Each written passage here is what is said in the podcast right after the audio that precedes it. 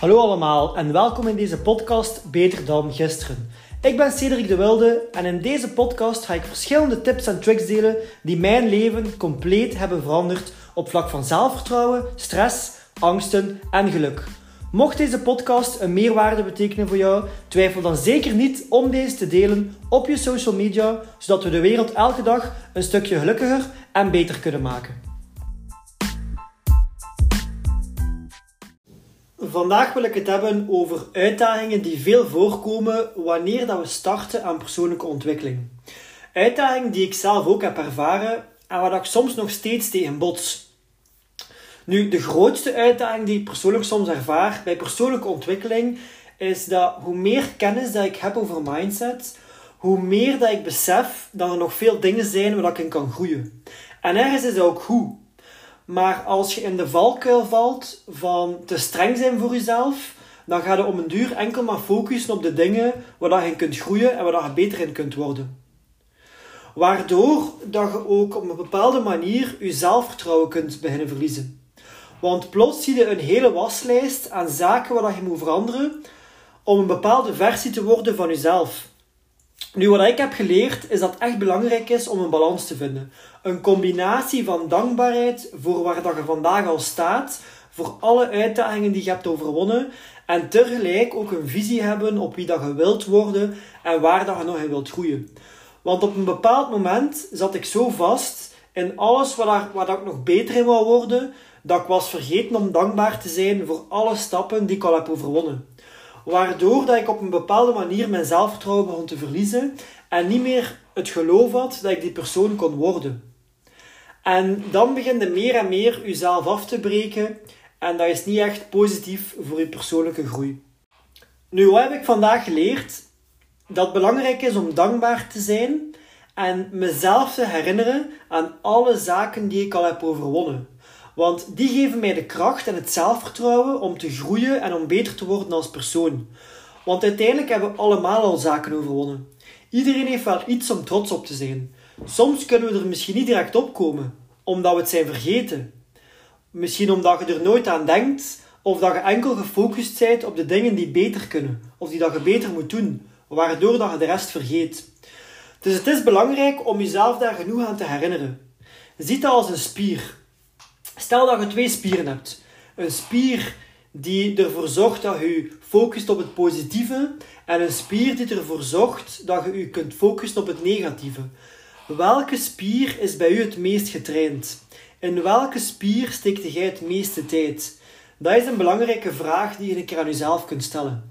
Dus nooit zet het even op pauze en schrijf dan een keer op. Voor alle mama's die een kind op de wereld hebben gezet. Ik ben zelf geen vrouw, maar ik kan echt wel geloven dat dat een van de zwaarste dingen is voor je lichaam die je kunt doen. Het feit dat je dit hebt gedaan, toont al hoe sterk dat je bent. Of misschien als je vroeger gepest bent geweest. Of, bepaalde, of je hebt bepaalde dingen meegemaakt die je vandaag hebt overwonnen. Daar moet je echt trots op zijn, want dat is niet vanzelfsprekend. Denk eens aan alle moeilijke momenten die je hebt overwonnen in je business, in je relatie, op persoonlijk vlak. Denk een keer aan alle dingen waar je trots op bent. Dingen die je hebt verwezenlijkt. De mensen op wiens leven dat jij een invloed hebt gehad op een of andere manier. Al die zaken zijn echt belangrijk om ook genoeg aandacht aan te besteden. Wanneer dat je dat te weinig doet en enkel maar focus hebt voor de dingen die beter moeten en enkel maar focus hebt voor de dingen waar wij moeten groeien, dan zullen we ook op termijn vastzitten in onze persoonlijke groei. Dus er moet echt een balans zijn tussen weten wat je naartoe wilt maar ook weten wat je hebt bereikt en trots zijn op de persoon wie dat je vandaag bent. Nu, het tweede puntje dat soms een uitdaging kan zijn, is dat we soms te veel denken aan wat kan ik nog allemaal toevoegen aan mijn routine van mijn persoonlijke ontwikkeling. En dat we daardoor soms te weinig denken aan waar moet ik mee stoppen, wat moet ik minder doen. En ik bedoel dan niet stoppen met meditatie, lezen, podcast beluisteren of allemaal zaken die goed zijn voor onze mentale gezondheid. Wat ik vooral bedoel ik zal een keer een voorbeeld geven. Is, stel je voor, we hebben een bepaalde routine. We doen die routine consistent. Maar na een tijdje voelen we ons nog steeds niet optimaal. Of merken we nog steeds bepaalde uitdagingen. Wat ik persoonlijk, wat voor mij persoonlijk een valkuil is. En wat ik denk dat veel mensen gaan denken.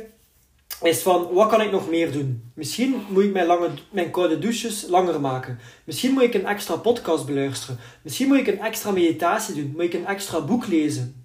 We denken dan vooral aan de dingen die we kunnen toevoegen en de dingen die ons gaan helpen. Maar dat kan dus een valkuil zijn. Want op die momenten moeten we onszelf vooral de vraag stellen: waar moet ik mee stoppen? Nu, wat bedoel ik precies? Stel dat je s ochtends de dag start met meditatie, ademhaling, ijsbad, even sporten en een gezond ontbijtje. Maar daarnaast praat je constant negatief tegen jezelf. En je breekt jezelf constant af. Denkt je dat een extra meditatie dan gaat helpen? Niet echt. Op dat moment is de vraag vooral waar dat je mee moet stoppen. En dat is negatief tegen jezelf praten. Zolang dat je dat niet stopt, zal geen enkele routine u kunnen helpen. Dat is hetzelfde dat bijvoorbeeld een, een alcoholverslaafde hele dagen drinkt, zich daardoor slecht voelt en denkt: ik ga een extra boek lezen in de ochtend of een extra koud bad nemen, dat gaat mij beter voelen. Maar daarna begint hij opnieuw te drinken en voelt hij hem natuurlijk weer slecht. Zolang dat hij niet stopt met drinken, zal geen enkele ochtendroutine werken. Natuurlijk, wat wel belangrijk is, is dat eenmaal als die persoon beslist om te stoppen met drinken, dat die ochtendroutine hem wel kan helpen om het stoppen makkelijker te maken. Dus de gezonde routines helpen ons vooral om het stoppen van bepaalde negatieve gewoontes makkelijker te maken. Maar eerst moeten we wel bewust worden wat dan die negatieve gewoontes zijn. Nu, je kunt opnieuw een keer een blad papier nemen en van boven de vraag opschrijven: waar moet ik mee stoppen? Wat moet ik verminderen? En ik zal een keer een aantal voorbeelden geven die u kunnen helpen. Bijvoorbeeld negatief praten tegen uzelf. Te streng zijn voor uzelf.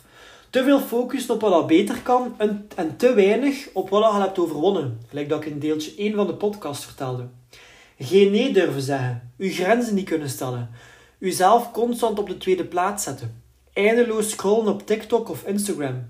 Te weinig slapen. Ongezond eten. Enzovoort, enzovoort. Hier hebben we al een aantal voorbeelden. Misschien dat je zelf op andere voorbeelden kunt geven. Uh, dat je zelf op andere voorbeelden kunt komen als je even reflecteert. Moest je andere voorbeelden hebben en je zou die graag een keer willen delen, dan mogen je dat zeker en vast doen. Voor mij kan het misschien een inspiratie zijn. Of kan ik misschien bewust worden van bepaalde dingen die ik zelf doe of moet verminderen, waar ik vandaag nog niet bewust van ben. Nu, hopelijk was deze podcast een meerwaarde en heb er iets uit kunnen leren. Kent je mensen voor wie dat die podcast een meerwaarde zou kunnen zijn? Twijfel dan zeker niet om die met hen te delen.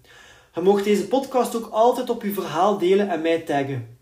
Zo kunnen meer mensen kennis maken met, die met deze podcast en kunnen we meer mensen gelukkiger en beter maken. Dankjewel om te luisteren.